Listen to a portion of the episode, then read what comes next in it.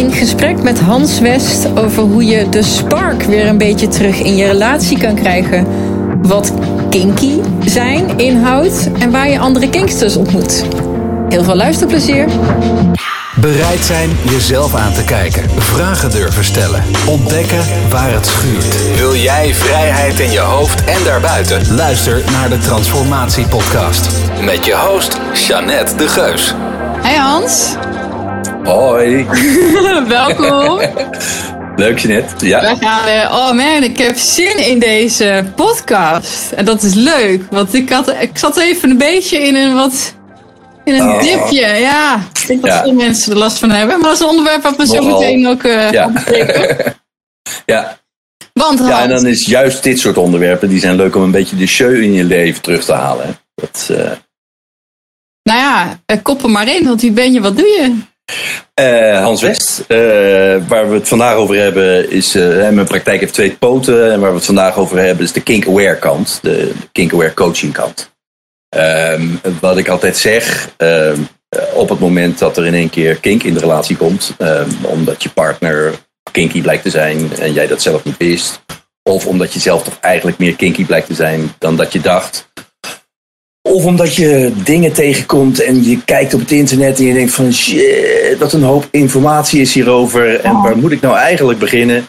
Dan is het handig om iemand te hebben die gewoon ja, eh, nogal een tijdje hiermee bezig is. Ehm, ik, eh, ik ben ook hè, als coach betekent het dat je soms ook mensen bij mij komen voor stressklachten, voor verslavingsklachten enzovoort enzovoort. Die kinky zijn, omdat ze gewoon niet willen meemaken dat ze gewoon over hun leven aan het praten zijn en hun seksualiteit bespreken en dat ze dan in één keer merken dat hun kink behandeld wordt door hun behandelaars. Eh, want dat gebeurt ook nog wel eens. Ehm, dus wat dat betreft, het is een heel breed publiek van mensen die eigenlijk zeggen van... Ja, ik zeg altijd, het hoeft niet over kink te gaan, maar je hoeft er in ieder geval niet over te zwijgen. En, en, en hoe, hoe kunnen we kink dan definiëren volgens jou? Nou, kink is, is eigenlijk een niet-term, een, een niet-definitie. Vroeger, de, de old days, hè, ik bedoel, ik ben hier al mee bezig sinds ik twintig ben. Eerder eigenlijk al, maar goed. Ik Ehm, van niet vragen hoe lang dat dan is. Maar, Ik ben nu 62. Ehm, kink is, is eh, in de tijd dat er hè, werd gezegd van mensen zijn straight. hè, mensen, en, eh, iedereen die straight was. En wat we tegenwoordig vanilla noemen of normaal. ehm, dat, was, ja, dat waren de straight mensen. En je had een hele hoop mensen die voelden zich eigenlijk niet zo straight. Die voelden zich anders omdat ze gay waren, of omdat ze BDSM'er waren, of omdat ze polyamoreus waren of swingers. En die dachten we, ja, we zijn gewoon niet straight. En wat is nou niet straight? Een kabel waar een kink in zit, is niet straight. Dus daar komt kinky vandaan. Kinky is eigenlijk vooral niet straight. Eh, dat is Ja, meteen een gigantisch eh, vooroordeel eh, ook. Of, of een, een, een stereotype. Oh, die mensen die zijn allemaal een hoekje af. Die zijn allemaal een beetje gek. Die hebben allemaal ergens beschadiging Ja. opgelopen. Hoe, hoe zie jij dat? Ja, nou, dat is, eh, ik moet zeggen, ik heb dat ook een tijdje gedacht, eigenlijk zelf. Van jezelf. Gewoon wetenschappelijk, nou, bij mezelf. Absoluut. Ik bedoel, kijk, iedereen die goed naar zichzelf durft te kijken, die merkt wel van, er zitten wel barstjes in mijn vooruit, zal ik maar zeggen. We hebben allemaal onze shit meegemaakt. En dat beschadigt en dat maakt dat je af en toe op dit onhandig reageert. Ehm, maar omdat je best wel ook gesprekken had binnen BDSM over trauma's en over ja, erge dingen die mensen waren gebeuren. Dan dacht je al gauw van, goh, dat zijn toch een hoop mensen die eigenlijk... eh, er zit- zitten best wel een hoop mensen tussen met problemen. Maar dat is eigenlijk goed onderzocht. En eh, we zijn gewoon niet beschadigder, we zijn niet neurotischer. Eh, het is eigenlijk geen verschil. Alleen, de, we praten er meer over. Eh, Op het moment dat jij gewoon gaat doen wat, je al, wat altijd iedereen doet, dan weet je dus de volgende stap al. Ik zoen je en dan gaan we nog een beetje met een tong en dan gaan we eens even kijken in kleding kunnen komen. En, en, en dan gaan we verliefd, verloofd, getrouwd. En eh, ik bedoel, de, als je het normale traject verloopt, ja, dan, dan hoef je het nergens over te hebben. Maar op het moment dat ik nou in één keer zeg van ja, maar Jeanette meid, ik zou het zo leuk vinden om jou op je kont te slaan. Uh, dan moet ik een ander gesprek gaan voeren. Want als ik dat gewoon out of the blue zeg, dan. Nou, dan denk je, wat is die gast? Maar op het moment dat je dat een beetje leuk weet te brengen en je hebt er ook een beetje over nagedacht van wat is er nou leuk aan voor mij, wat is er leuk aan voor jou, dan snap je in één keer van hé, hey, er is een heel, heel verhaal achter. Dat vereist dat je gaat praten. Dus heel veel van die kinksters die ergens gemerkt hebben van ik geloof dat ik anders ben dan de rest, die hebben over zichzelf nagedacht en zijn daarover gaan praten en waren eigenlijk wel blij toen ze andere mensen tegenkwamen die anders waren dan de rest. Nou valt dat wel mee dus. Hè. Bedoel, als je gaat kijken is ergens tussen 10 en 20 procent kinky. Um, maar op het moment dat je dat, dat anders gevoel meemaakt, dan ga je zitten, zitten kijken van, van hoe zit ik in elkaar, waar komt dit vandaan. Vrijwel iedereen zoekt naar een oorzaak. Ik weet niet of die er wel is hoor, maar vrijwel iedereen zoekt naar een oorzaak. Dus dan ga je praten met elkaar. En wat is dan de, uh, de, de, grens? Zo van, ja, de grens is eigenlijk niet het goede woord, denk ik, maar. Welke grens wil je weten? Waarom wil je grenzen weten? nee, ik bedoel, waar ligt het. Um, waar stopt de definitie van hè, wat dan nog normaal is? Als je het al normaal zou willen noemen, want dat is natuurlijk een hele andere, dat is een semantische discussie, maar ja. vanilla, ja. is kink, ja. is een keer op de billen slaan, weet je wel. En uh, ik vind het grappig dat je zegt, ja, dat je dat dan van tevoren zegt, van oh, dat zou ik weer willen, willen doen. Ik heb natuurlijk alleen maar NS1, nou, misschien NS1 iets groter dan 1, maar uh, dingen die er gebeuren dan, zeg maar. Dan word je een keer op je billen getest en denk je, uh, oh, oh, weet je wel. Dus uh, ja. uh, er zijn, ja, waar is dat dan op de billen tetsen? Moet je dat dan van tevoren, waar, waar, en, moet, en is het... Ik, ik, denk, ik denk dat die grens niet te, te trekken is. Ik denk dat er nergens een grens loopt. Want ik zou mezelf het... niet als kink uh, bestempelen. Terwijl ik weet 100% zeker als ik 95% uh, van de mensen zou vertellen zeg maar, hoe ik mijn leven inricht en wat voor, uh, hoe, wij, hoe wij seks benaderen. Nou, ja. dan zou er absoluut een stempel kink op komen te plakken. Maar ja. voor mij is dat gewoon absoluut niet zo. Dus vandaar dat nee, maar, dat, maar dat is het verschil tussen de wereld van binnenuit en van buitenaf bekeken. Uh, op het moment dat ik in mezelf het eigenlijk wel logisch vind dat ik doe wat ik doe en ik snap dat het allemaal wel lief is en aardig bedoeld en uh, of, juist dat ik gewoon me schaam voor dingen, want dat kan natuurlijk ook. Uh, dat ik, want het kan ook omgekeerd zijn. Het kan zijn dat, dat jij denkt, oh god, wat heb ik nou toch voor, voor fetish joh, oh verschrikkelijk. En dat de omgeving zegt, oh, nou, ik ga op sokken dat, dat, het kan twee kanten op. Maar het is juist dat verschil tussen hoe is het aan de binnenkant, hoe beleef ik het zelf, en wat gebeurt er aan de buitenkant. Nou, je hebt natuurlijk wel een soort van landelijk gemiddelde. en daar val, daar val je buiten of niet. En nou, een paar podcasts van je geluisterd, val jij buiten. ja, toch? En, en uitstekend. Hè? Ik denk juist dat die normopathie, die kramp die, waar we inschieten om normaal te willen zijn, dat het best belangrijk is om te bedenken van ja, wat lever ik daarvoor in. Jij zei van ik ben daar vanaf mijn twintigste al mee bezig, eigenlijk eerder. Wil je daar eens wat over vertellen hoe dat die interesse is ontstaan of hoe, waardoor je daarachter kwam van oh, dit vind ik leuk? Um, jawel hoor. Nou, wat ik, wat ik vaak uh, ook veel vertel, openlijk, is uh, dat ik een Barbie pop had uh, toen ik 9, 10 was. En ik speelde, daar speelde ik regelmatig mee, maar niet zozeer vadertje en moedertje of zo. de, de, die bus meurde ik, die bond ik vast. Daar maakte ik kleertjes voor. van allerlei dingen dat paste verder helemaal niet bij mijn idee over feminisme. Want inderdaad, way back uh, feminisme, uh, dat, een quickie was al, al, was al een uh, verkrachting, zal ik maar zeggen. Um, dus dat, dat kon helemaal niet bij elkaar. Maar ja, ik, ik voelde die dingen wel en ik wilde het wel. En ik, ik weet nog goed dat ik toen ik twintig was, inderdaad ergens een, uh, een advertentie zag. Uh, was het woord al wel tegengekomen, sadomasochisme. en daar was een vrouw, ze gaat op het podium staan in een leren rokje, wat ik al leuk vond. En die vertelt wat ik nou leuk vind. En ze begint zo alle dingen op te noemen die ik geil vond. En ik had echt zoiets van, oh man, het bestaat. Het is niet alleen maar dat ik een viezerik ben en een verkrachter. Dit is een spel wat je samen kan spelen, wat leuk kan zijn voor alle twee. En dat was, en dat is wat je heel vaak hoort, dat was als thuiskomen. Ik kan zijn wie ik ben. Een heel stuk van seksualiteit waar je dan toch maar niet over hebt. Uh, ja, dat kon in één keer, dat kreeg een plek en dat kreeg woorden. En uh, vastbinden, uh, bondage, daar is een hoop over te zeggen.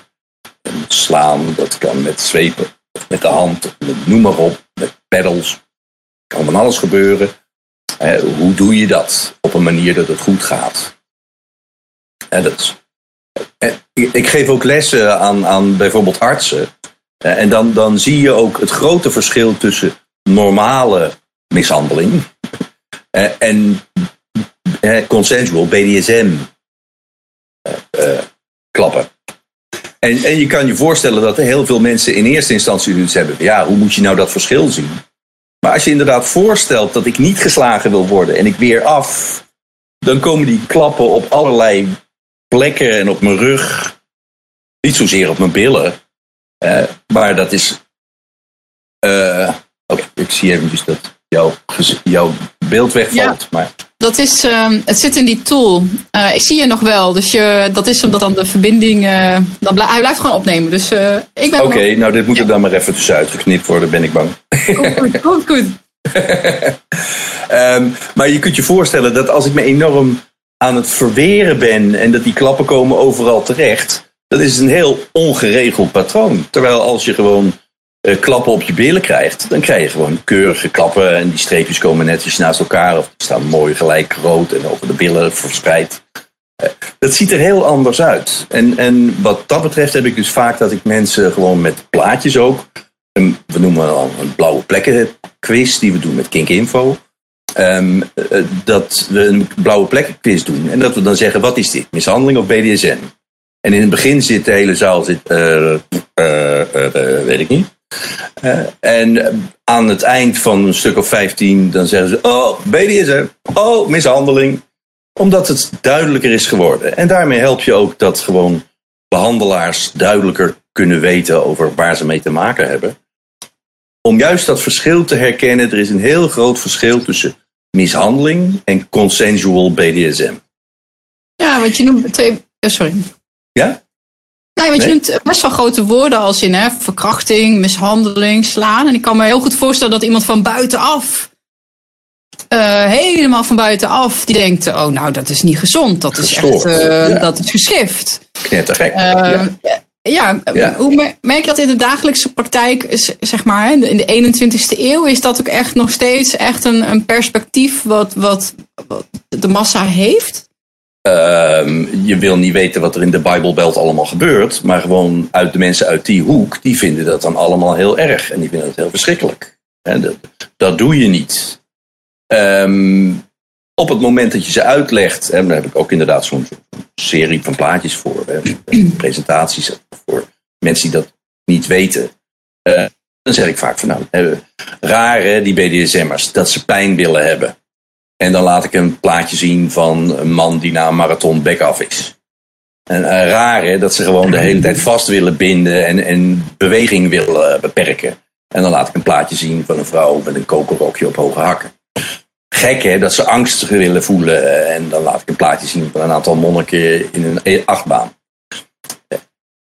Het is niet zo gestoord, maar juist het feit dat je wat heftiger prikkels leuk vindt bij BDSM. En dat je daar dus ook afspraken over maakt om het goed te laten gaan. Want je speelt wel met heftige dingen. Nou, dat, is, dat maakt het in één keer tot een verantwoord iets. En dat maakt dat het ook leuk blijft. En, en je geeft daar, je eigen, je eigen richting in zoekt. En je geeft daar uh, uh, niet alleen voorlichting over, maar dus ook uh, trainingen in. Dus bondageles. Ja. Voor iemand die helemaal blanco is. Um, of die denkt, nou ja, weet je, ik vind het interessant, maar ik weet 100% dat binnen mijn relatie dit niet gaat, gaat plaatsvinden. Ja. Hoe ziet dat er dan uit? Ik, ik, stel de vraag ook vanuit iemand die misschien, of niet, niet misschien, ik ken de fantasie. Ja. Voor mij is zeg maar de fantasie op internet iemand gaan zoeken, iets afspreken, uh, ernaartoe rijden, de deur open doen. En dan dat, weet je wel, dat, daar zitten zoveel momenten van awkwardness voor mij tussen, dat ik weet dat. Uh, weet je, dus ik kan me heel goed voorstellen dat mensen luisteren zeggen: ja, ik snap de fantasie en de opwinding. Maar om dan uiteindelijk al die praktische dingetjes dan te doen, tot ik op het punt kom waar, waarin dat dan ook kan. Mhm. En, en, en hoe ziet het dan uit? Want het is niet, oh, je doet de deur open, je ontmoet iemand. Nou, weet je wel? Nee, eh, nee, gebeurt- nee. gebeurt Dat gebeurt echt maar heel, heel, heel, heel zelden. Ja. Ehm, eh, kijk, de, de meeste mensen die eh, interesseren zich en die gaan op internet gaan ze op zoek. En BDSM Nederland of, of naar, naar FetLife gaan ze op zoek. Sites waar gewoon kinksters bij elkaar komen.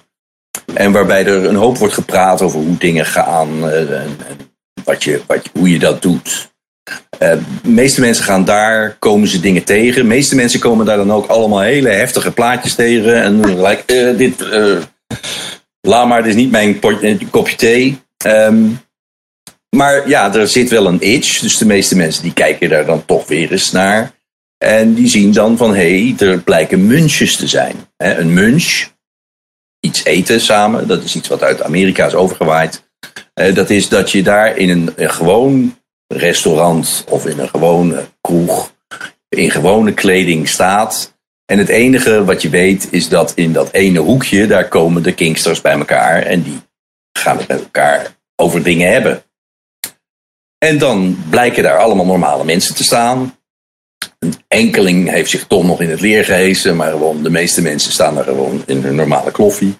En eh, ja, die hebben het over dingen en die hebben het ook over hele normale dingen en ook over BDSM. En dan ben jij nieuw en dan kom je binnen en dan, nou, heb je waarschijnlijk dat er wel een aantal mensen het leuk vinden dat je nieuw bent en dat ze dus dingen willen vertellen. Ehm, je zal ook ongetwijfeld meemaken dat een aantal mensen denken: hé, hey, vers bloed. Ehm, eh, ja, je moet wel bereid zijn om nee te zeggen. Maar je staat in een normale kroeg. Het is, je, je zit daar, met normale mensen, dus je kunt ook echt gewoon precies zeggen wat jij wil zeggen en niks meer dan dat. Ehm, dan ga je vervolgens ga je eens met die mensen denken van wat doe je dan? Nou, dan kan het zijn dat je een cursus doet. Hè, eh, bij Kink Info hebben we eh, BDSN eh, voor beginners. Eh, ja, dan, dan leg ik je gewoon heel duidelijk uit wat is nou eigenlijk BDSM? Waar staan die letters voor? En wat betekent dat? En wat voor verschillen zijn daarin? En, en de duizend verschillende manieren waarop je dit kan doen. Je kan pech hebben. Je kan pech hebben in die eerste fase dat je iemand tegenkomt die zegt van ik bescherm jou wel, kom maar onder mijn hoede. Ik leg jou even precies uit wat een echte BDSM'er doet. Alsof dat iets is. Niet waar, niet naar luisteren als iemand dat zegt, omdraaien, weglopen, iemand anders zoeken. Er zijn duizend manieren om BDSM te doen.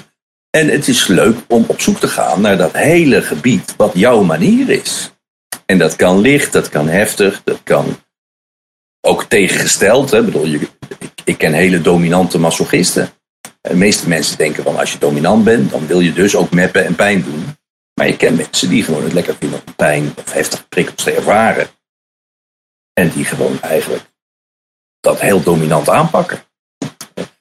Juist al die verschillende assen leer je herkennen. En dan ga je op zoek. En dan ga je misschien eens naar een feestje. En dan denk je in het begin van, oh, als ik naar zo'n feestje ga, dan gebeuren de meest enge dingen. De meeste mensen vinden het eigenlijk een beetje tegenvallen. Je had verwacht dat je daar in een kerker met en kettingen en uh, overal zwepen en mensen over de... En er staan dan gewoon een hele hoop mensen aan de bar en daar wordt wat gespeeld. Een hoop mensen zeggen wel eens van, nou, kan het eigenlijk heftiger worden. Ehm, maar dan ga je naar zo'n feestje. En ook daar blijken weer allemaal normale mensen. In misschien een beetje abnormale kleding. eh, bezig te zijn met spelen.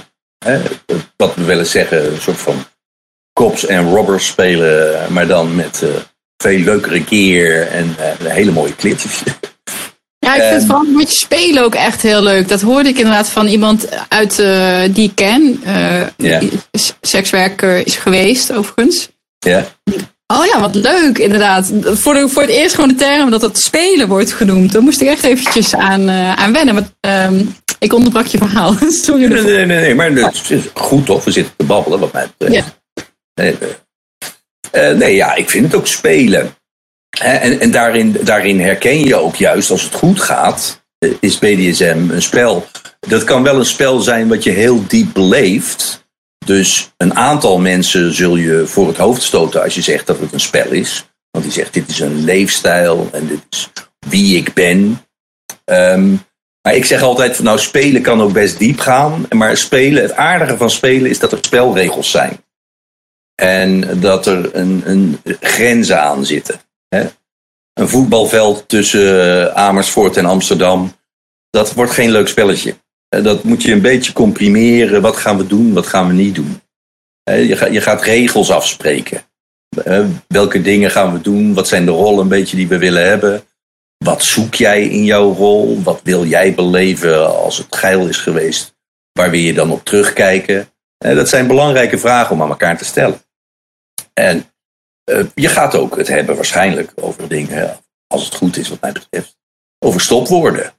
Eh, groen, oranje, rood is veel gebruikt.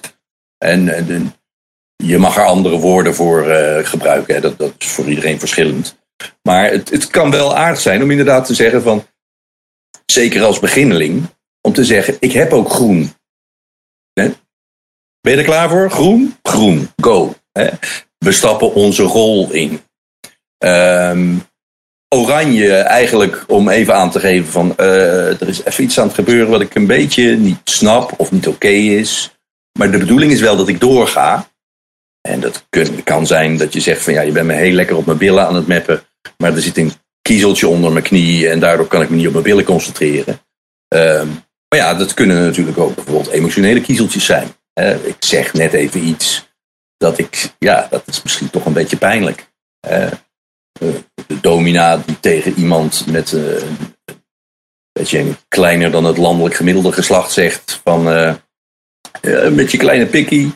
Dat kan iets zijn wat hij spannend vindt en wat hij prettig vindt en waardoor hij zich in zijn dagelijks leven minder schaamt voor de zijn geslacht.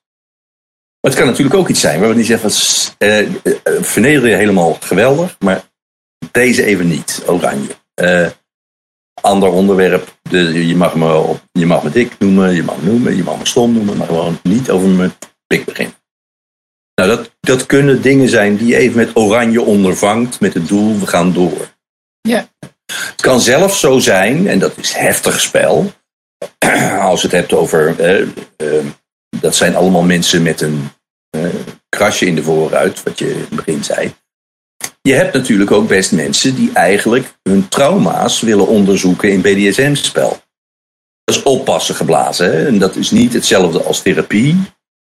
Maar het is wel zo dat je soms een beetje, als het ware, dingen op kunt lossen. Een beetje als een druppel inkt in water. Hè? Op het moment dat je dat heftige moment met veel doorzichtige momenten mengt, dan triggert dat trauma minder. Dus op het moment dat je ooit vastgebonden bent geweest en je gaat nou spelen met vastbinden, maar jij weet, als ik rood zeg, is het klaar. Want dat is het derde stopwoord. Rood, gaat alles los, desnoods knipt hij zijn dure touwstuk. We gaan even een kopje thee drinken. Ik had even, ben er in een mijnveld gestapt en het is klaar. Dat maakt dat je gewoon met oranje kunt zeggen: van oké, nou even rustig aan, want het wordt even wat veel. En een, iemand die snapt waarmee die bezig is, en die daar ook hè, niet, niet zozeer dat hij de therapeut loopt uit te hangen, want je- het is geen therapie, maar wel iemand die snapt dat hij met hele gevoelige onderwerpen bezig is. Die neemt zich even terug. En die is even wat die laat voelen dat je gewaardeerd wordt. Die laat voelen dat je inderdaad dat, dat jij kunt invloeden uitoefenen. Die kan zeggen, die kan vragen wat je wil. Zodat het spel weer door kan gaan. En zodat je een nieuw verhaallijn in je hoofd kunt maken. Waarin het leuk wordt, terwijl het uitgangspunt van het trauma hetzelfde is. Maak je een nieuwe verhaallijn in je hoofd. Nou, dat is voor een aantal mensen heel heilzaam. Niet therapeutisch, maar wel heilzaam. Ja, ik vind het onwijs fascinerend vind aan, denk, nou niet denk, maar seks in bredere zin. Mhm. je, je schakelt een soort van iets in je schakelt uit. Je gaat helemaal op in het, je, je, je gaat kopje onder, zo noem ik het.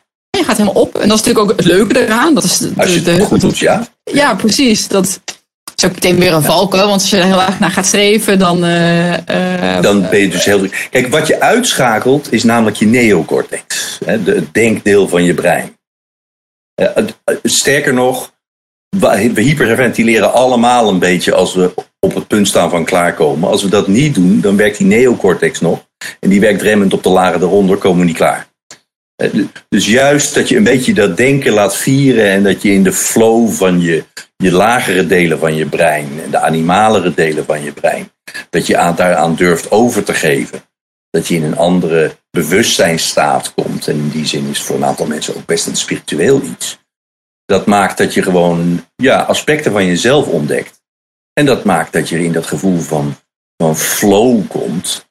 En dat maakt inderdaad dat je dat denkstukje even wat meer uitzet. Op het moment dat jij druk aan het denken bent, hoe ik zo snel mogelijk dat denkstukje uit kan zetten. En wat moet ik nu doen om dat denkstukje uit te zetten? Ja, dan ga je dat natuurlijk nooit lukken. ja, of heel erg bezig. Lig ik erbij? Hoe zie ik eruit? Vindt de ander mij... en- ik ben zelf nooit echt opgeknoopt, maar... Ik kan me heel goed voorstellen dat je als meisje denkt, nou, eh, ik lig hier bij zo'n rollade, weet je wel. Dat je dat, dat Ja. heel erg blokkeert om, om, om jezelf over te geven. Ja, en dan kan je je voorstellen dat je daar juist ook mee kan spelen.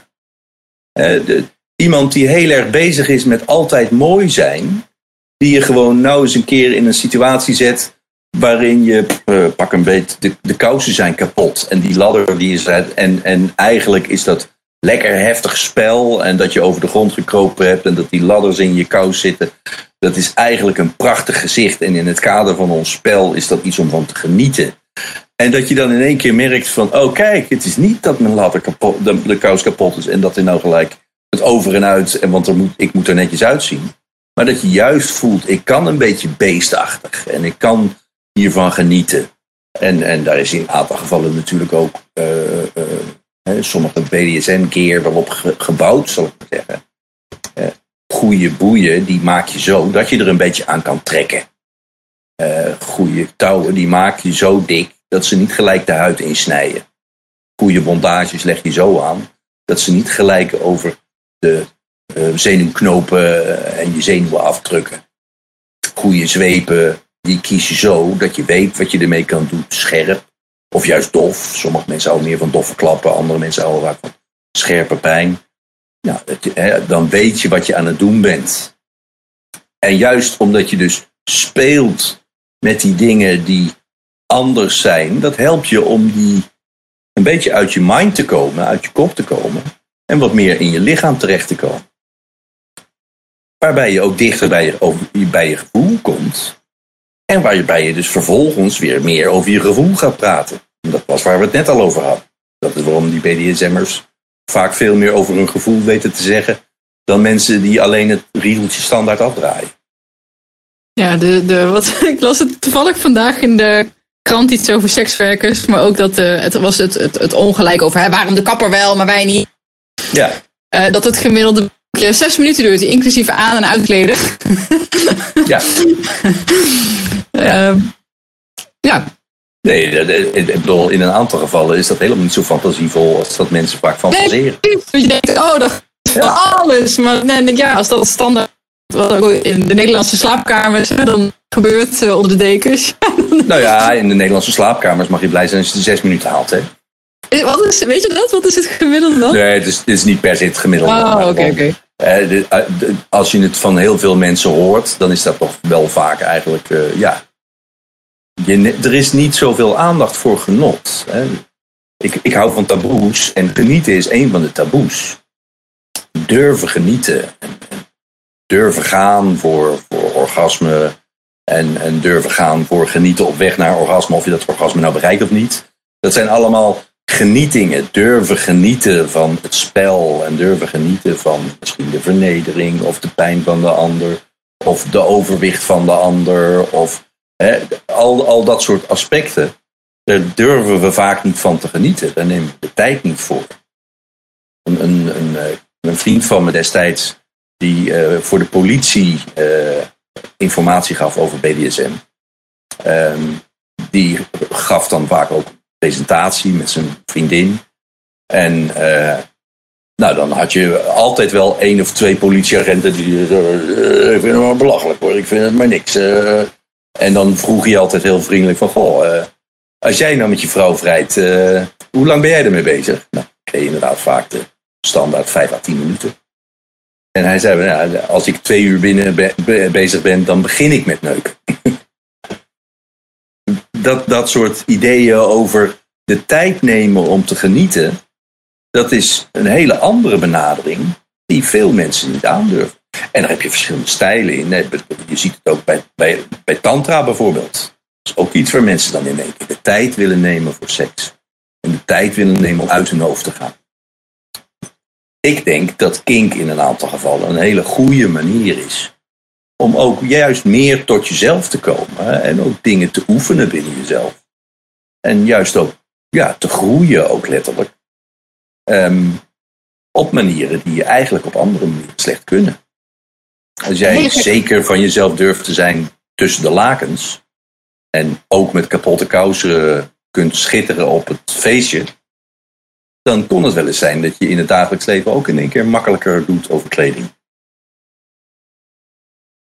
Misschien een beetje een gekke vraag, maar dat uh, spel ook in je eentje doen? Of, en, en hoe, hoe vaak, ja, uh, ik kan me heel goed voorstellen, het is nog steeds lockdown, er zijn nog steeds heel veel singles die heel veel moeite hebben met uh, relaties aangaan.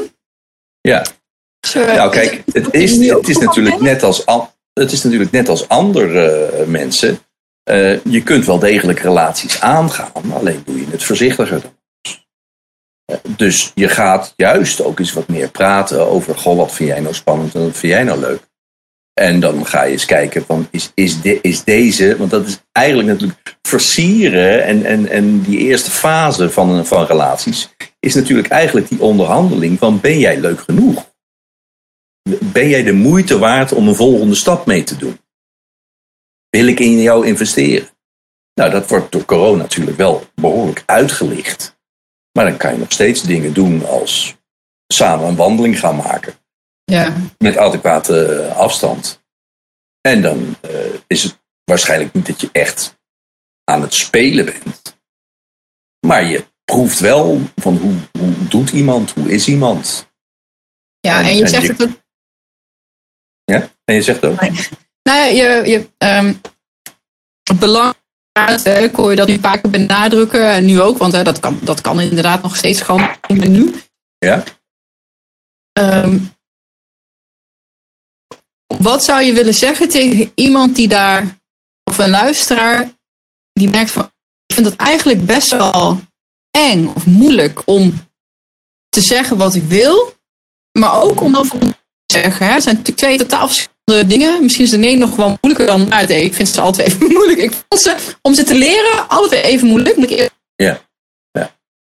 Wat is, um, kan je daar iets in, um, iets aan bijdragen voor die persoon die zegt, nou, ik vind het wel, ik vind het spannend. Ik merk dat dat voor mezelf, ik merk het ook echt, dat stokte gewoon letterlijk. Je voelde gewoon letterlijk in mijn keel, dacht, ik weet eigenlijk wat ik nu was en gewoon niet durven.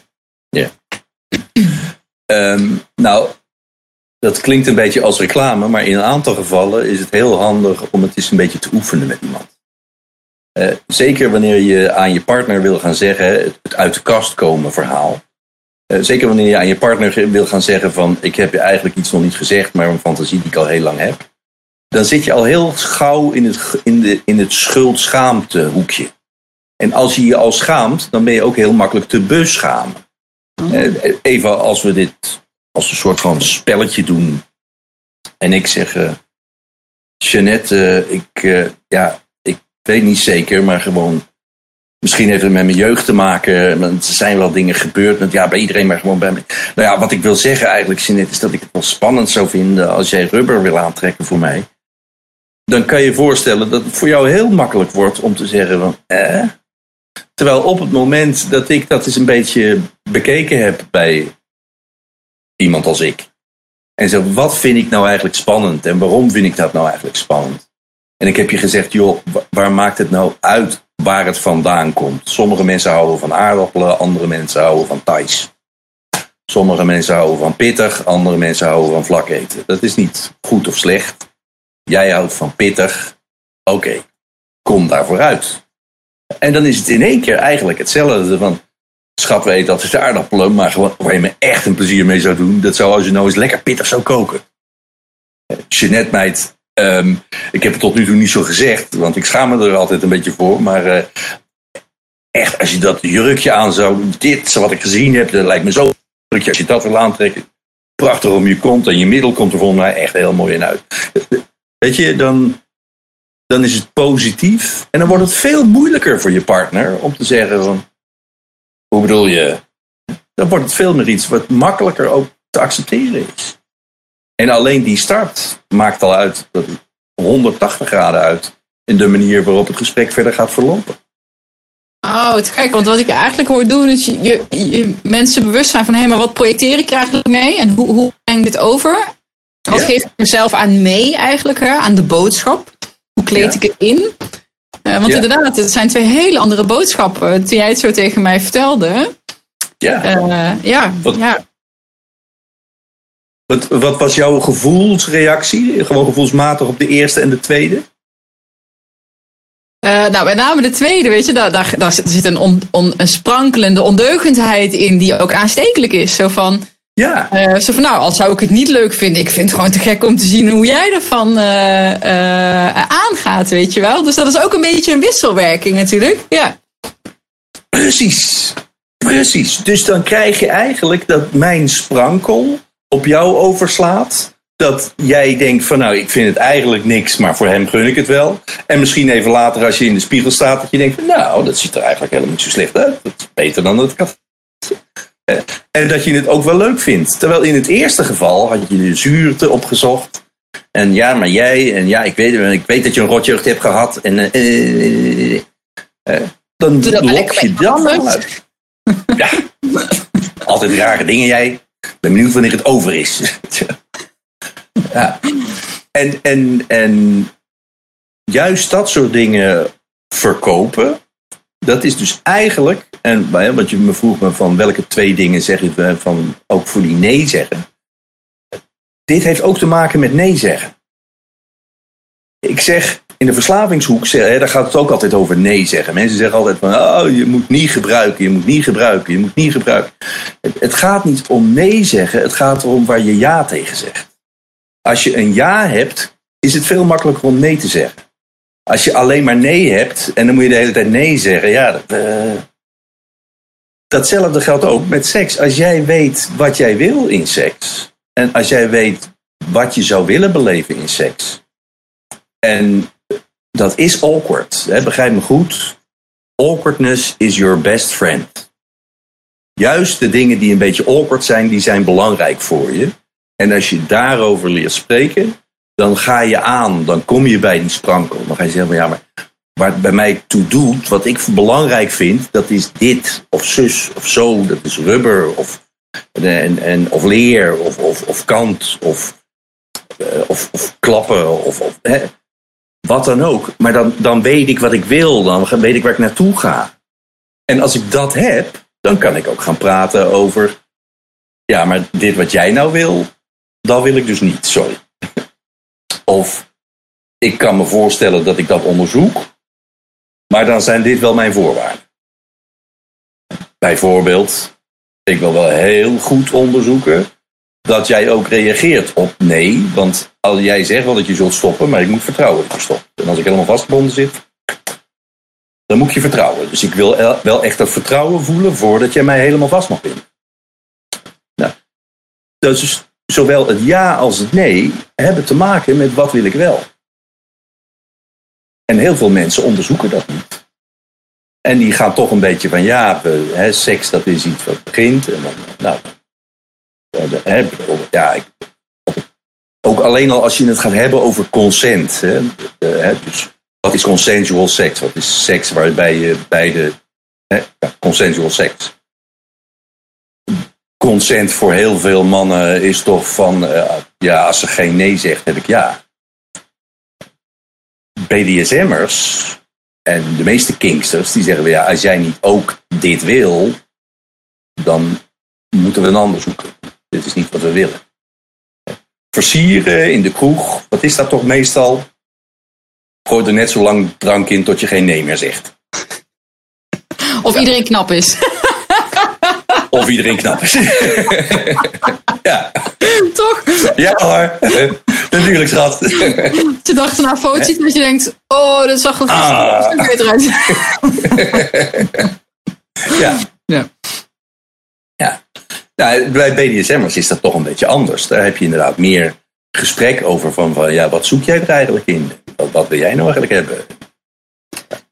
Ik vind het, uh, wat ik ook uh, lastig navigeren vind, of hier ook wel een obstakel in vind, um, ook terug reflecterend op mezelf. Zo, ja, er, er is natuurlijk zo'n zo, zo interesse of een, een, een, een, tinteling of zo, weet je wel. En een, uh, nou, wat is dat dan?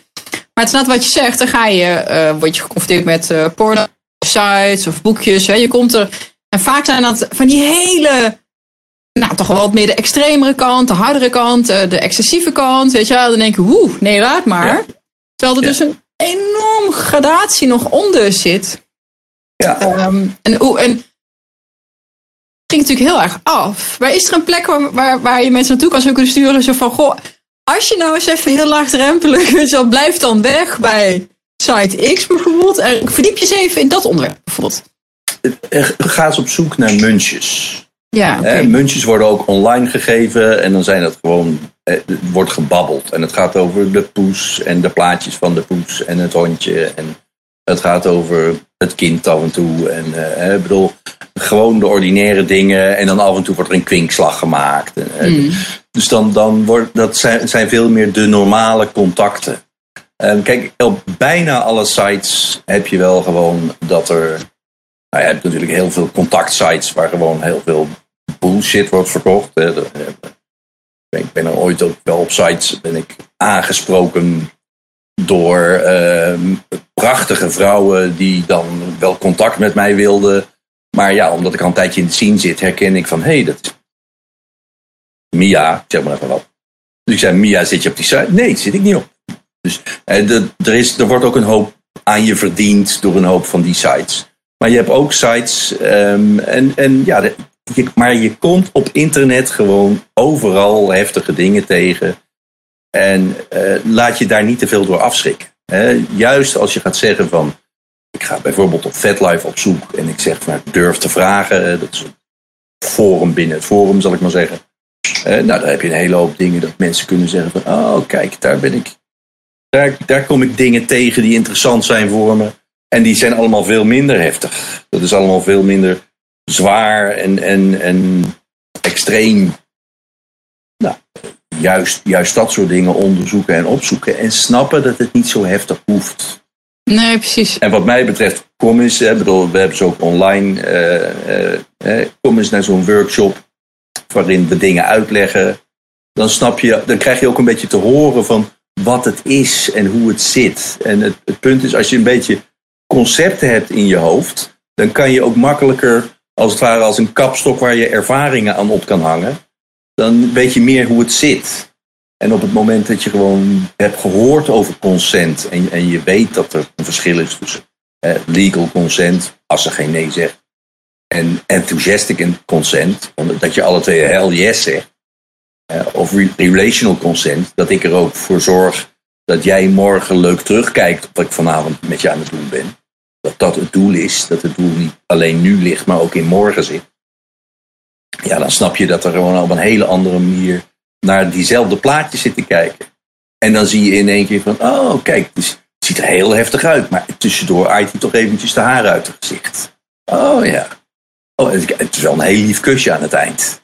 Bedoel, Ja, want- We hebben allerlei dingen gedaan, maar hè, dat, dat maakt ook dat je dan in één keer die heftige film minder heftig vindt. Ik vind het wel echt een hele goede ook om, eh, om te benadrukken. Gewoon de, de hoeveelheid liefde eh, Ja. die ermee gemoeid is. Want eh, het klinkt, oh, slaan, vastbinden, eh, dominantie, eh, jezelf overgeven. Het klinkt alsof het heel naar en nasty is. Maar hoe... eh, Maar je hebt Dus- zoveel vertrouwen nodig om die stap te kunnen maken. Hè, Ik bedoel, sowieso is vertrouwen al de basis van iedere relatie. Anders dan ga je gemeen doen tegen elkaar.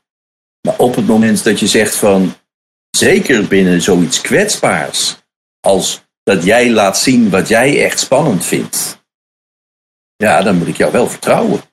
Want dat voelt namelijk, daar had ik het net over, awkward. En ik vertrouw jou met mijn awkwardness. En als jij nou goed omgaat met mijn awkwardness, dan durf ik te ontspannen en te zijn wie ik ben. Inclusief de dingen die mij een sprankel geven. Eh, over die sprankel, hè? De COVID eh, blues, dat is een ding. Ja. Ehm, ik denk dat een verlaagd libido daar ook gewoon onderdeel van is, zoals van elke blues. Ja, Ehm, je spark terugvinden. Gewoon weer dat vuurtje een beetje aanwakkeren. Wat kunnen we doen? Eh, en misschien even voor de mensen in een relatie. Ja, nee, laten we het even houden bij de relatie als eerste. Mensen die nu gewoon Ja. in een relatie zitten.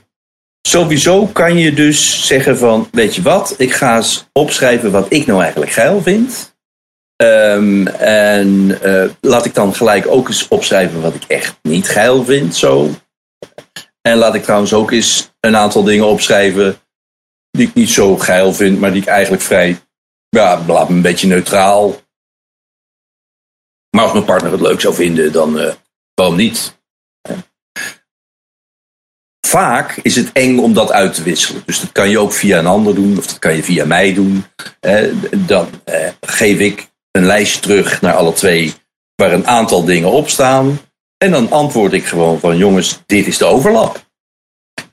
En dit vinden jullie alle twee geil, hebben jullie nog nooit naar elkaar uitgesproken. eh. En deze dingen, die kunnen jullie, ik vind een van twee van jullie geil. En, eh, ga er eens mee experimenteren. Alleen al dat soort stappen, omdat je, dat je je dus minder laat tegenhouden door je eigen awkwardness. Maar dat je gaat onderzoeken samen, dat kan je natuurlijk ook samen doen. Maar of, of via de band. Eh, en, en verwacht dan ook niet dat je gelijk 100% eerlijk bent. Want dat zijn is eigenlijk bijna niemand. Vrijwel iedereen heeft toch altijd zo dat ja, de echt spannende dingen die durf ik de eerste keer niet te melden. Als je die oefening een paar keer herhaalt met elkaar, ja, dan zie je dat je op een gegeven moment punten komt die je vroeger nooit had durven onder- onderzoeken. Of het komt er ook misschien uit dat je zegt van ja, eh, het is wel op hè, tussen ons, seksueel gezien. Ehm, gaan we het buiten eh, de relatie zoeken of kiezen we er met z'n tweeën voor dat we het seksloos maken? Kan ook. Ik, ik ben, ook als kink-aware therapeut, ben ik niet alleen maar op zoek om het zo kinky mogelijk te maken. Ik heb ook wel klanten die inderdaad in hun relatie tegenkomen. Dat ze zeggen van ja, mijn partner wil dit echt niet. En hoe laat ik dit dan los voor mezelf? Dan zeg ik nou, dan, dan moet ik dus ook met die partner praten. Dat die, dat die partner weet, mijn partner is bereid om een, iets wat belangrijk is voor hem of haar los te laten voor mij. Want op het moment dat je zegt van oké, ik heb een fetish, maar voor jou doe ik er niks mee. En die partner die reageert alleen maar met oh gelukkig, ik vond het al zo'n gedoe. Nou, fijn, ik ben blij dat je gewoon normaal doet. Gaat niet goed op de lange termijn. Maar op het moment dat je partner ook snapt van ik weet dat je een stuk van jouw seksualiteit voor mij hebt laten liggen. En, en dat is een cadeautje wat je mij hebt gegeven. Ik- ben je daar eigenlijk dankbaar voor. Dat kan ook een uitkomst zijn. Waarmee je dan de relatie goed houdt. Het gaat er eigenlijk altijd over dat je die awkwardness onderzoekt. En dat je gaat kijken van wat, wat zit daar voor sparkle in. En wat ik eh, heel erg ook uit eh, wat erin doorklinkt, dat is wel heel tof ook. Je, je moet er een project van maken. En Het mag ook gewoon prioriteit, aandacht. Uh, wat wordt vaak zo, oh ja, dat, dat, dat, dat lost zichzelf dan wel weer op. We zijn ja. met zelf doelen stellen en mensen proactief maken. Dit is ook ja. iets.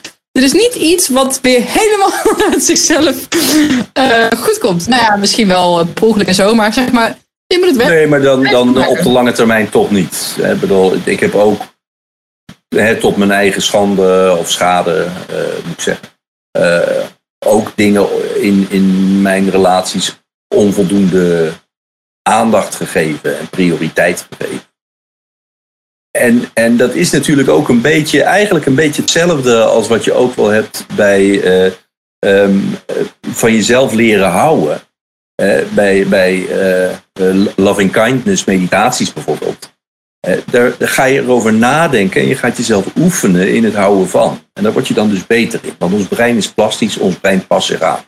Op het moment dat je gaat oefenen in waar zit mijn sparkle en hoe kan ik die zien en hoe kan ik die herkennen, dan krijg je gewoon veel meer dat je dubbelzinnigheden ziet en dat het leuk is en, en dat er grapjes, pinkslagen, eh, sms'jes tussendoor. Dat dingen genoeg prioriteit krijgen. Ja, en als je dat niet doet, dan uh, ja, betaal je daarvan de prijs. Want uh, het is in liefdesrelaties vaak wel zo dat in het begin gaat het hard. En dan heb je toch vaak dat het allemaal wat minder wordt in de loop der tijd. En als je het, ja, een mooie vergelijking die iemand eens gaf, die zei ja, als je het water echt koud hebt laten worden, dan moet je er een tijd vuur onder zetten voordat het weer warm is. Maar als je het lauw hebt en dan reageer je al, dan heb je het zo weer aan de kook. Ja. De vriendinnetje van me, die is wel heel erg leuk. Die is nu net. Uh, uh, nou, heeft voor zichzelf het labeltje erop gehangen. Want zo is het natuurlijk een lang proces. Hè? Nou, oké, okay, ja. polyamoreus. Ik heb een vriend. Ik date daarnaast nog wat. Die is helemaal. Ja. Ik kwam met de term. Uh, wat was het? New love energy en old love energy. Ja. De, de, de, spark, de, de, de verliefdheid, de, de, de, uh, dat, dat bubbly, zeg maar. Hè? Van een nieuwe verliefdheid versus oh, iemand die ik gewoon vertrouw, ken. Uh, ja. dat, dat voelt anders. En ik, voor mezelf, dit is mijn langste relatie ooit bijvoorbeeld. Mm -hmm. uh, en voor ons is seks, dat was gewoon de main event of the day. Weet je wel, dat, dat, dat, was, dat is gewoon in de woonkamer bijvoorbeeld. Gewoon ja. in de avond. De hele avond is leuk en dat is gewoon. Ja. Weet je, dat is niet zo. Je maakt er wat van. Ja, ja. Dat, was echt een happening. Ja.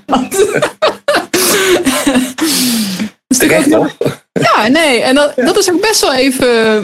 Uh, nou, dat was wel even schakelen en wennen. Ook om dat mag ook in een soort van old love energy um, uh, transformeren, want dat is niet per se slecht.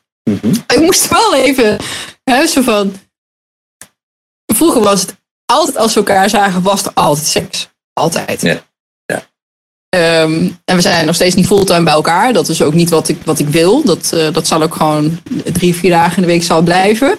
En die frequentie deed natuurlijk af. oh man, wat een mindfuck dat gaf aan.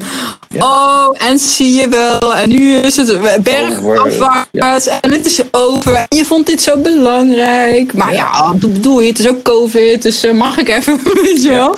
Dus dat, dat mentale spel. Ja, dus zeur, zeur nou niet zo. Hè, doe nou niet zo aan mijn hoofd zeiken. En, en dan ga je het dus alleen maar erger maken. Dan gooi je echt ijsblokjes in het, in het warme water. Uh, ja, en, ja, even. Ja, nee, ja, dat uh, stinken we allemaal in. Hè? Ik bedoel, ik net zo goed als de rest. En, en, dat zijn stommiteiten die we begaan en waarvan je achteraf denkt, dat was een stommiteit.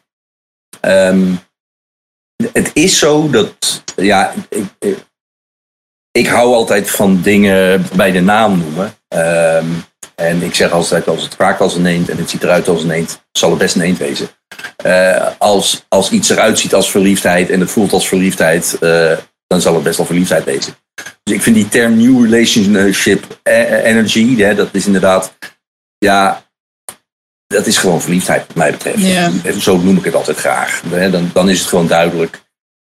En dan ga je ook zien van, oh, ik dacht vroeger misschien dat er maar één verliefdheid uh, kon bestaan, maar ik kan meerdere verliefdheden naast elkaar hebben. En dat is wat je in polyamorie wel merkt natuurlijk. Um, maar eh, ja, dat, dat, dat even over de term. Eh, ik denk inderdaad, verliefdheid heeft een houdbaarheidsdatum. En dat kan je af en toe aanwakkeren. En wat Esther Perel ook zegt, als je juist het, de verschillen een beetje duidelijk maakt. Eh, dat je niet alleen maar probeert die ander te hebben, maar dat je er ook naar durft op te kijken en ervan durft te genieten. Eh, dat, dat kan die verliefdheid ook weer aanwakkeren, ook na jaren nog. En, en dat zijn bewuste acties die je ook bewust moet doen. Want als je dat niet doet, dan verwatert het. En dan wordt het intiem en vriendschappelijk en fijn en met commitment. Maar niet geil te branden als je niet uitkijkt. Hè? Ja, dat, dat zijn dingen om, om rekening mee te houden. Dat, die, dat automatisme dat dat erin zit.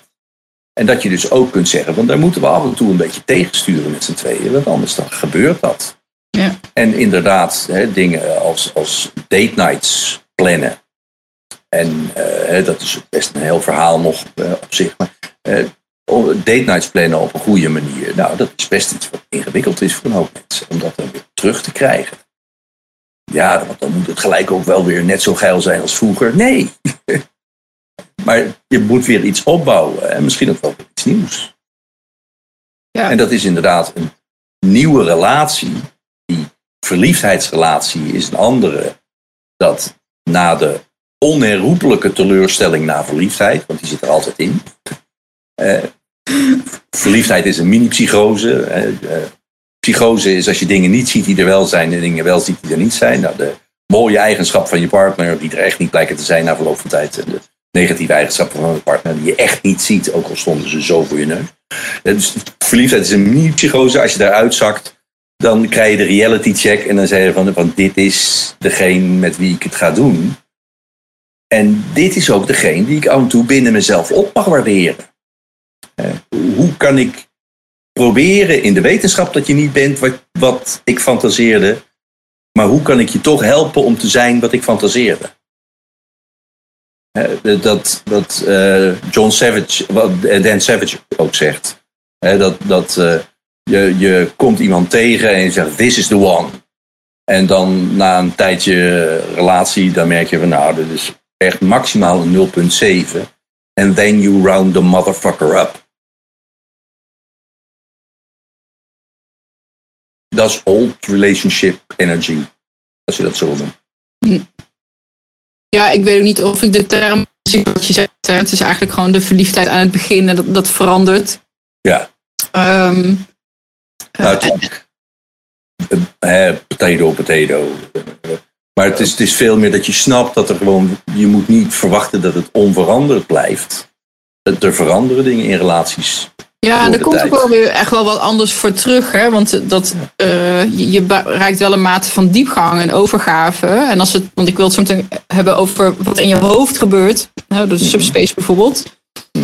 Er zijn plekken waar, waar je dan dat er zoveel vertrouwen en die band is er. Dus je, je, je komt op andere plekken in je hoofd.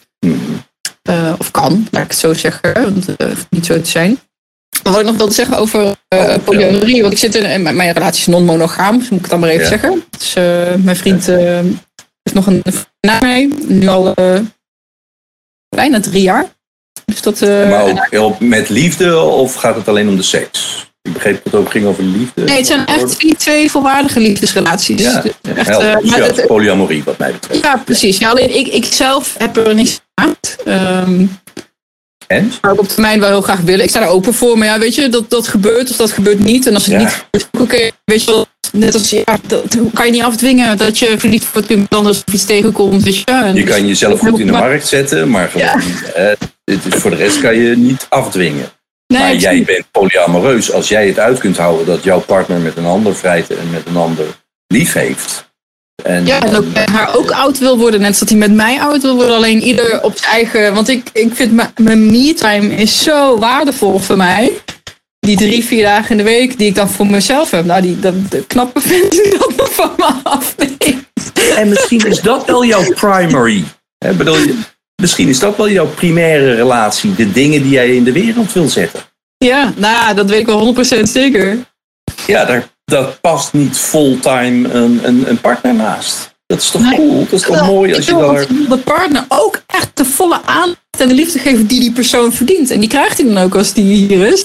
Maar ik heb ook echt heel veel aandacht en liefde nodig voor andere projecten. Ja. Ja. Ja, nee, je bent een on- ontzettend ondernemend mens. Dus eh, logisch, het zou ook zonde zijn als je dat niet meer mocht doen. Want nou moest je, omdat je een relatie hebt, eigenlijk altijd al je aandacht op die ene man. Dat, dat ga je nooit volhouden. Jeanette. Dat ga je nooit volhouden. Nee, dus Je gaat je aan hem irriteren. Nee. En vice versa, want dat gaat twee kanten op. Maar wat ik er. Dat is een onverwacht voordeel ook ervan. Want omdat eh, hij dus eh, eh, switcht, zeg maar. Dus voor hem blijft het ook. Die variatie blijft daarin zitten. Ook al zijn het er maar twee. En ook al kent hij ze alle twee heel goed.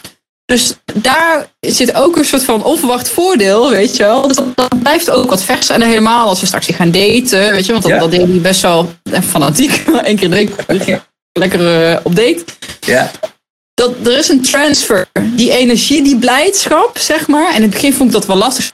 Oh, oké, cool. Dus je hebt nu een hele sessie van vier uur gedaan. En ik mag er met twintig minuten, eh, kom ik er vanaf, weet je wel. Dat Ja. Ja. grapje is, want zoiets breng je natuurlijk niet... niet dat, dat gaat met heel veel lol. En, ja.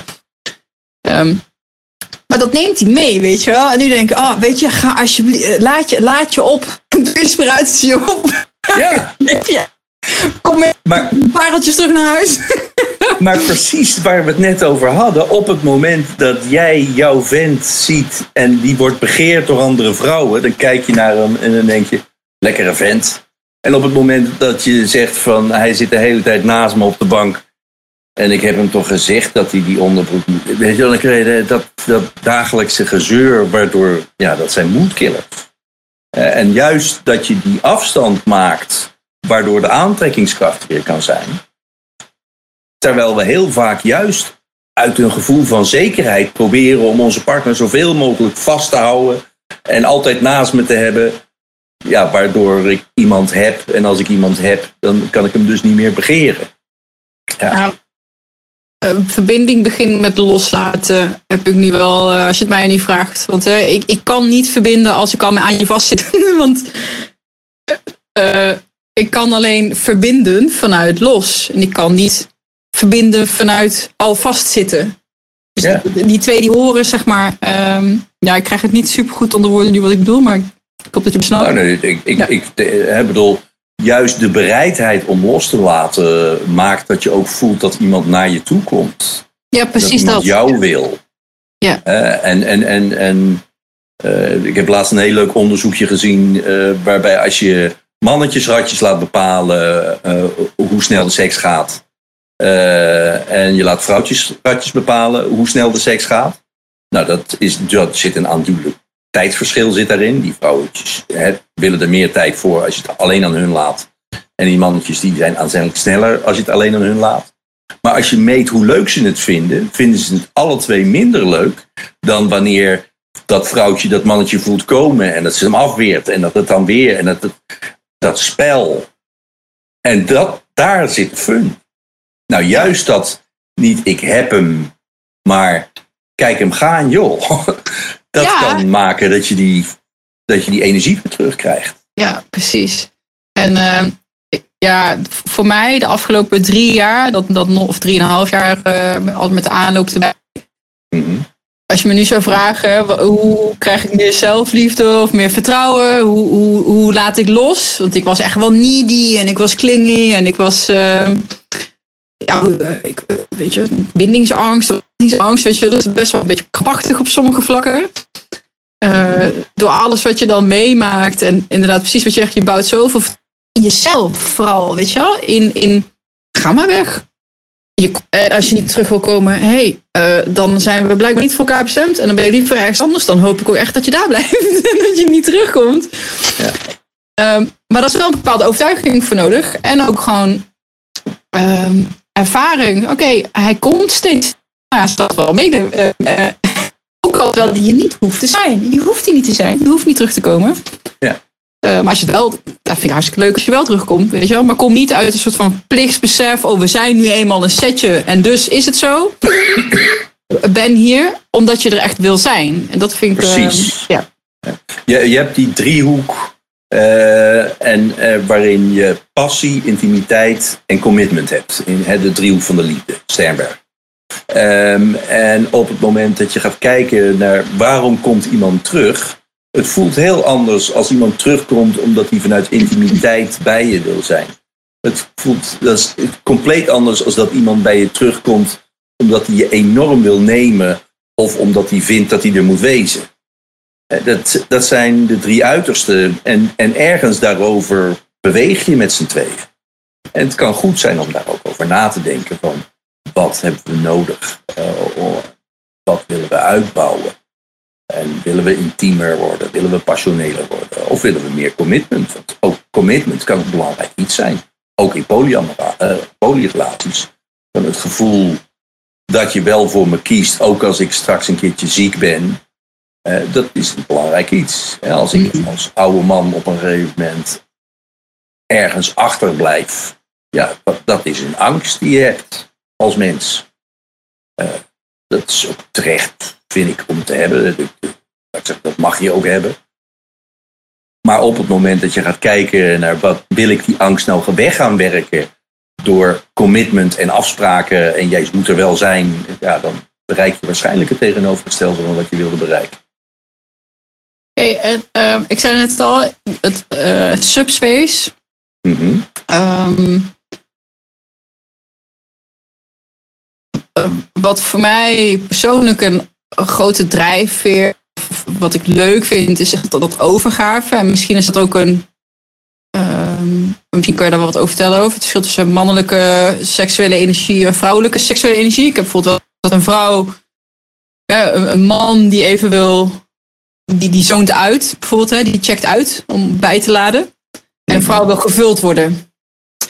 Ehm, ik weet niet of dat zo is. Heel, heel, heel zwart-wit natuurlijk. Hè? Even Heel zwart-wit. Ja, heel- even de twee. Het zijn, het, zijn, eh, het, zijn, het zijn twee manieren van op. Ja. Ja.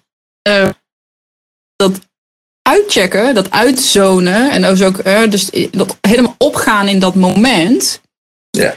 Ehm, in de, de BDSM-wereld hebben ze, dat is de term ervoor, hè, de subspace. Op het moment dat je Ja. jezelf helemaal overgeeft en eigenlijk een soort van uitschakelt. Misschien kan je dat veel beter vertellen dan ik, want ik ben geweest, denk ik. Nou, waarschijnlijk wel, maar misschien heb ik het gewoon nooit zo benoemd. Wat is de subspace en, en, en eh, wat is daar de, de, de, de aantrekkingskracht van? Nou, dat, dat, dat, dat uitzoomen en dat uitzonen, dat is natuurlijk best iets. Ehm, dat zie je in de romantiek, dat zie je binnen de seks, dat zie je op allerlei plekken gebeuren. Hè, eh, Fifty Shades of, Grey, ja, ik vind het zelf niet zo'n erg spannend verhaal. En, en er staat echt pure nonsens in.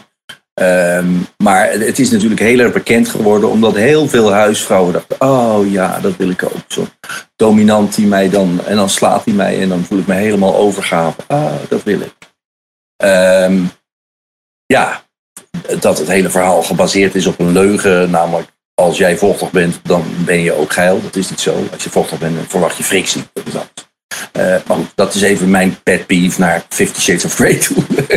Eh, dat, dat gevoel van... is, dat, is dat het, wacht even hoor, want dan, dan, gaan we, dan wil ik wel even een zijstapje. Is dat Ja. een boodschap die ze zeggen als je dan met ben gaat? Want dat hoor ik echt voor het eerst nu. Nou, als je gewoon het verhaal leest, dan pakt hij er tussen de benen en dan zegt ze: Ik wil dit niet. En dan zegt hij: Je bent vochtig, dus je wil het wel. Oh, dat wist ik helemaal En, niet. en, en, dat is, de- en daar baseert zich dan eigenlijk de hele relatie op, die ook verder, als je gewoon met BDSM-ogen ernaar kijkt, best her en der behoorlijk grensoverschrijdend is. Eh, Ik bedoel, zoals altijd, net zoals porno, leuk om te lezen, maar slecht als instructiemateriaal. Eh, ja, dat is gewoon wel eh, een, een ding van, van Fifty Shades of Grey, waarbij je echt, als je daarnaar gaat kijken, dan is dat niet consensual. En dan wordt er niet naar grenzen geluisterd. En dan worden stopwoorden overschreden. En, en dat is allemaal.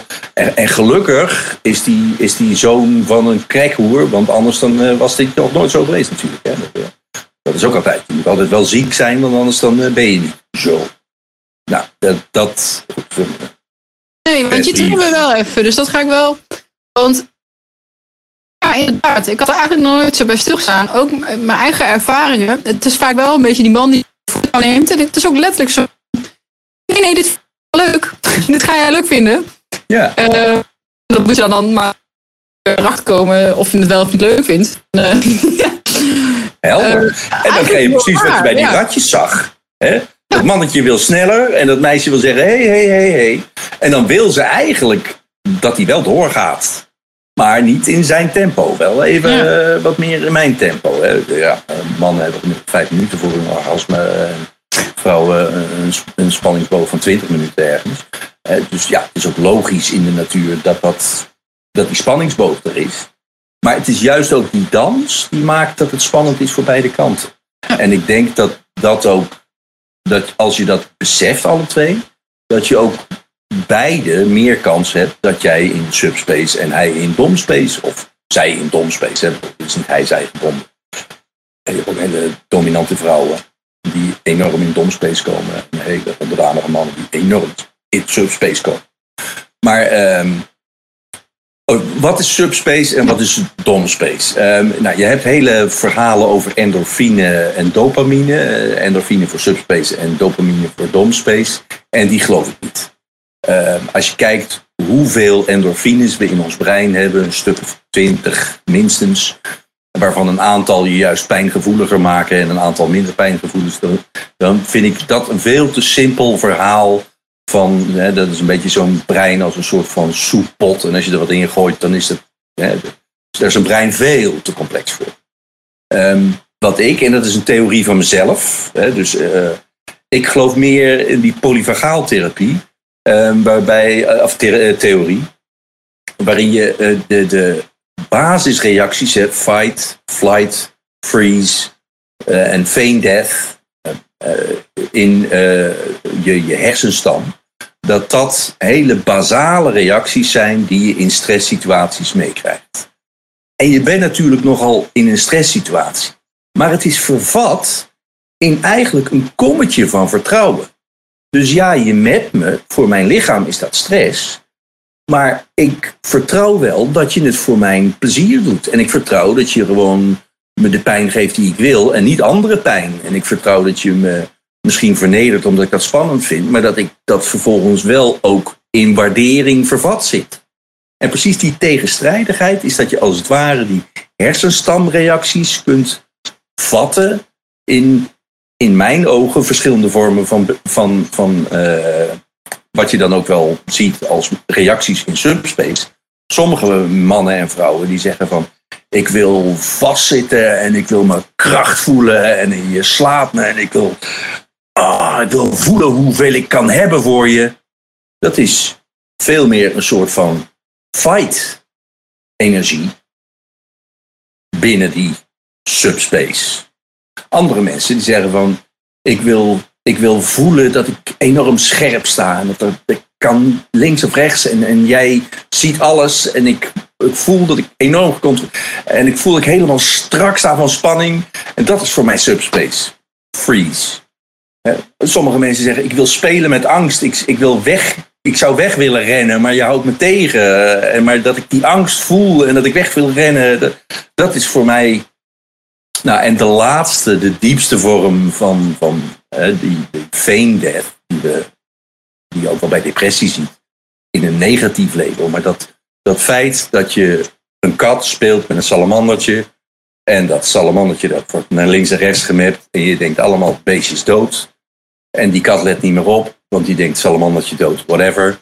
En in één keer loopt het salamandertje toch weg. Nou, dat is een hele diepe reactie van overgave. En je mag alles met me doen. Kom maar, je mag alles met me. Terwijl je emotioneel die band voelt. En dat je, voor zover je nog iets weet, weet van dit gaat goed komen. Dit is onze band, dit is onze relatie. Volledige overgave. Ik vertrouw je. Nou, dat, is, dat zijn wat mij betreft verschillende vormen van subspace. En aan de andere kant zit natuurlijk de domspace, de dominantie, dat je voelt er gebeurt wat fucking ik wil. En ik doe dingen en ik doe ook dingen een beetje met risico. Een beetje zoals flow. En dan kom je op die naam die ik nooit kan uitspreken. Maar hè, dingen moeten spannend genoeg zijn. Maar het is vervolgens niet zo spannend. En het is ook zeker niet saai. En daar zit dat, dat spanningsveld, eh, flow, die je ook in een domspace richting kan uitleggen. En je moet alle twee snappen dat dat een andere mindset is. En je moet ook alle twee snappen dat je bereid bent om dingen te doen die je eigenlijk niet zou doen als je niet in die mindset was. Als ik volledig in overgave-modus zit en ik zeg van, van neem mij maar. Uh, ja, nee, neem me maar zonder condoom, want dat voelt zo goed nou. Ja, maar morgenochtend wil je het niet gedaan hebben zonder condoom. Met een uh, vreemde partner. Dus je moet wel duidelijk hebben dat ondanks je eigen subspace, beetje hetzelfde als ondanks dat we misschien wat gedronken hebben tijdens het spel, niet al te veel alsjeblieft, dat dat helpt om die afspraak dat die blijft staan. Um, net zo goed als dat je gewoon. Uh, ik, heb, ooit eens met iemand gespeeld en die, die, die zei van ja, ik moet morgen met uh, collega's naar het, uh, naar het zwembad. En ja, ik, ik kan echt niet met streamen gezien worden. En we waren een tijdje aan het spelen. En ze zegt halverwege de avond, zegt ze, fuck it. Scheid aan mijn collega's. Kom, ik wil het hebben. Als ik op dat moment erop in had gegaan, had ik er morgen een rotdag bezorgd.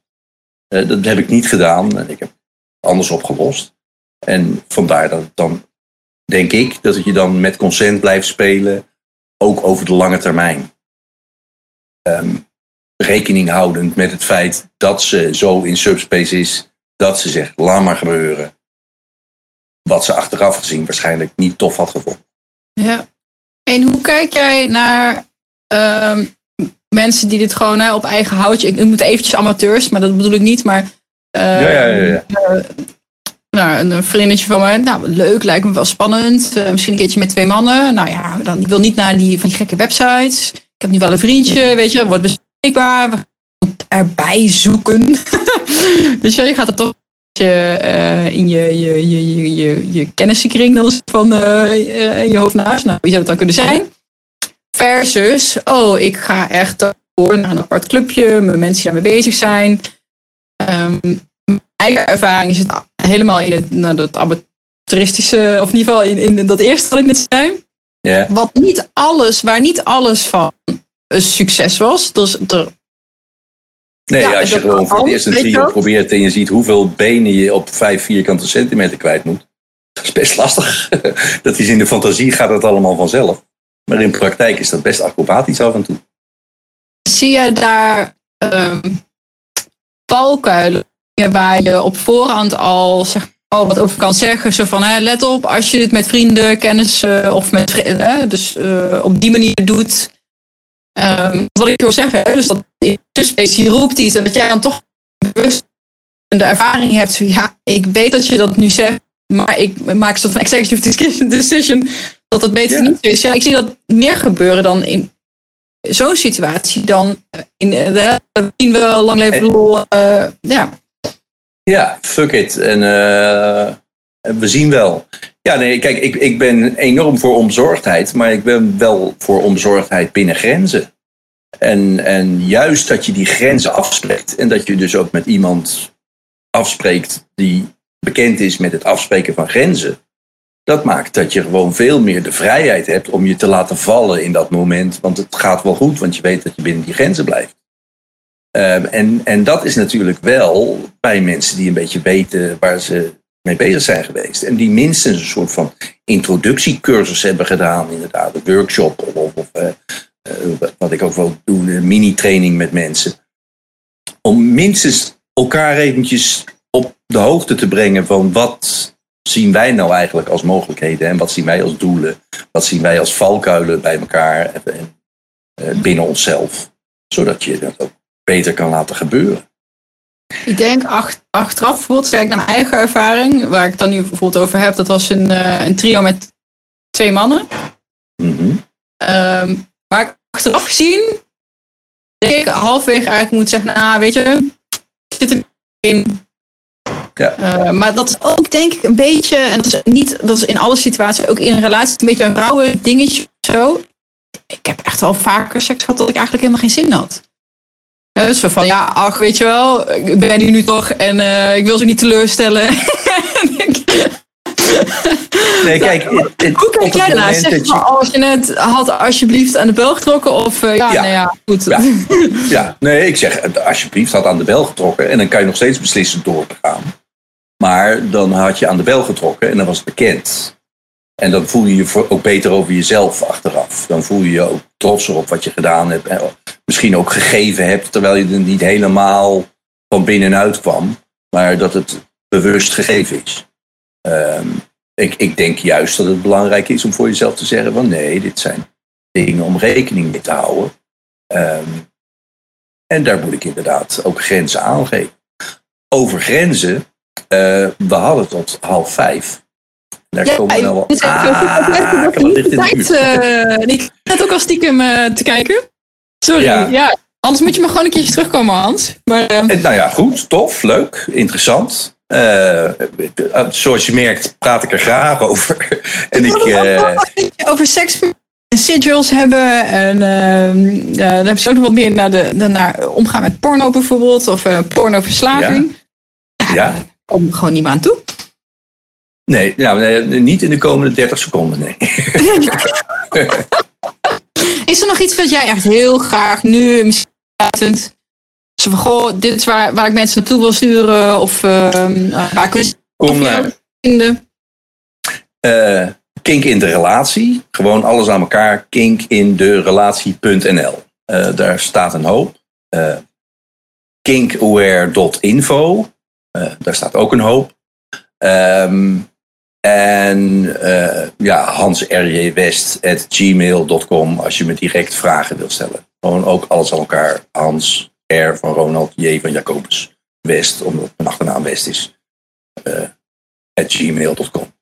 Ik zou ook zo beschrijving bij de podcast, dat, uh, want we op andere websites uh, genoemd. Dus uh, luisteraars, geen zorgen. Ik zal overal linkjes plaatsen waar van toepassing. En dan gaan we hem afsluiten, denk ik, Hans.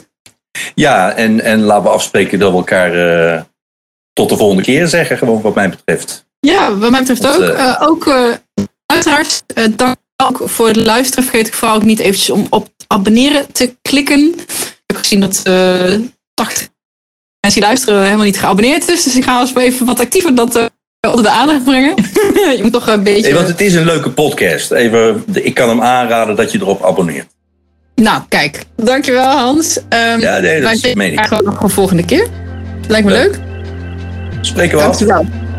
Goed. Hey. Is goed. Hoi hoi. Tot later. Hoi hoi. Wil je meer Transformatiepodcast? Check Jeannette online.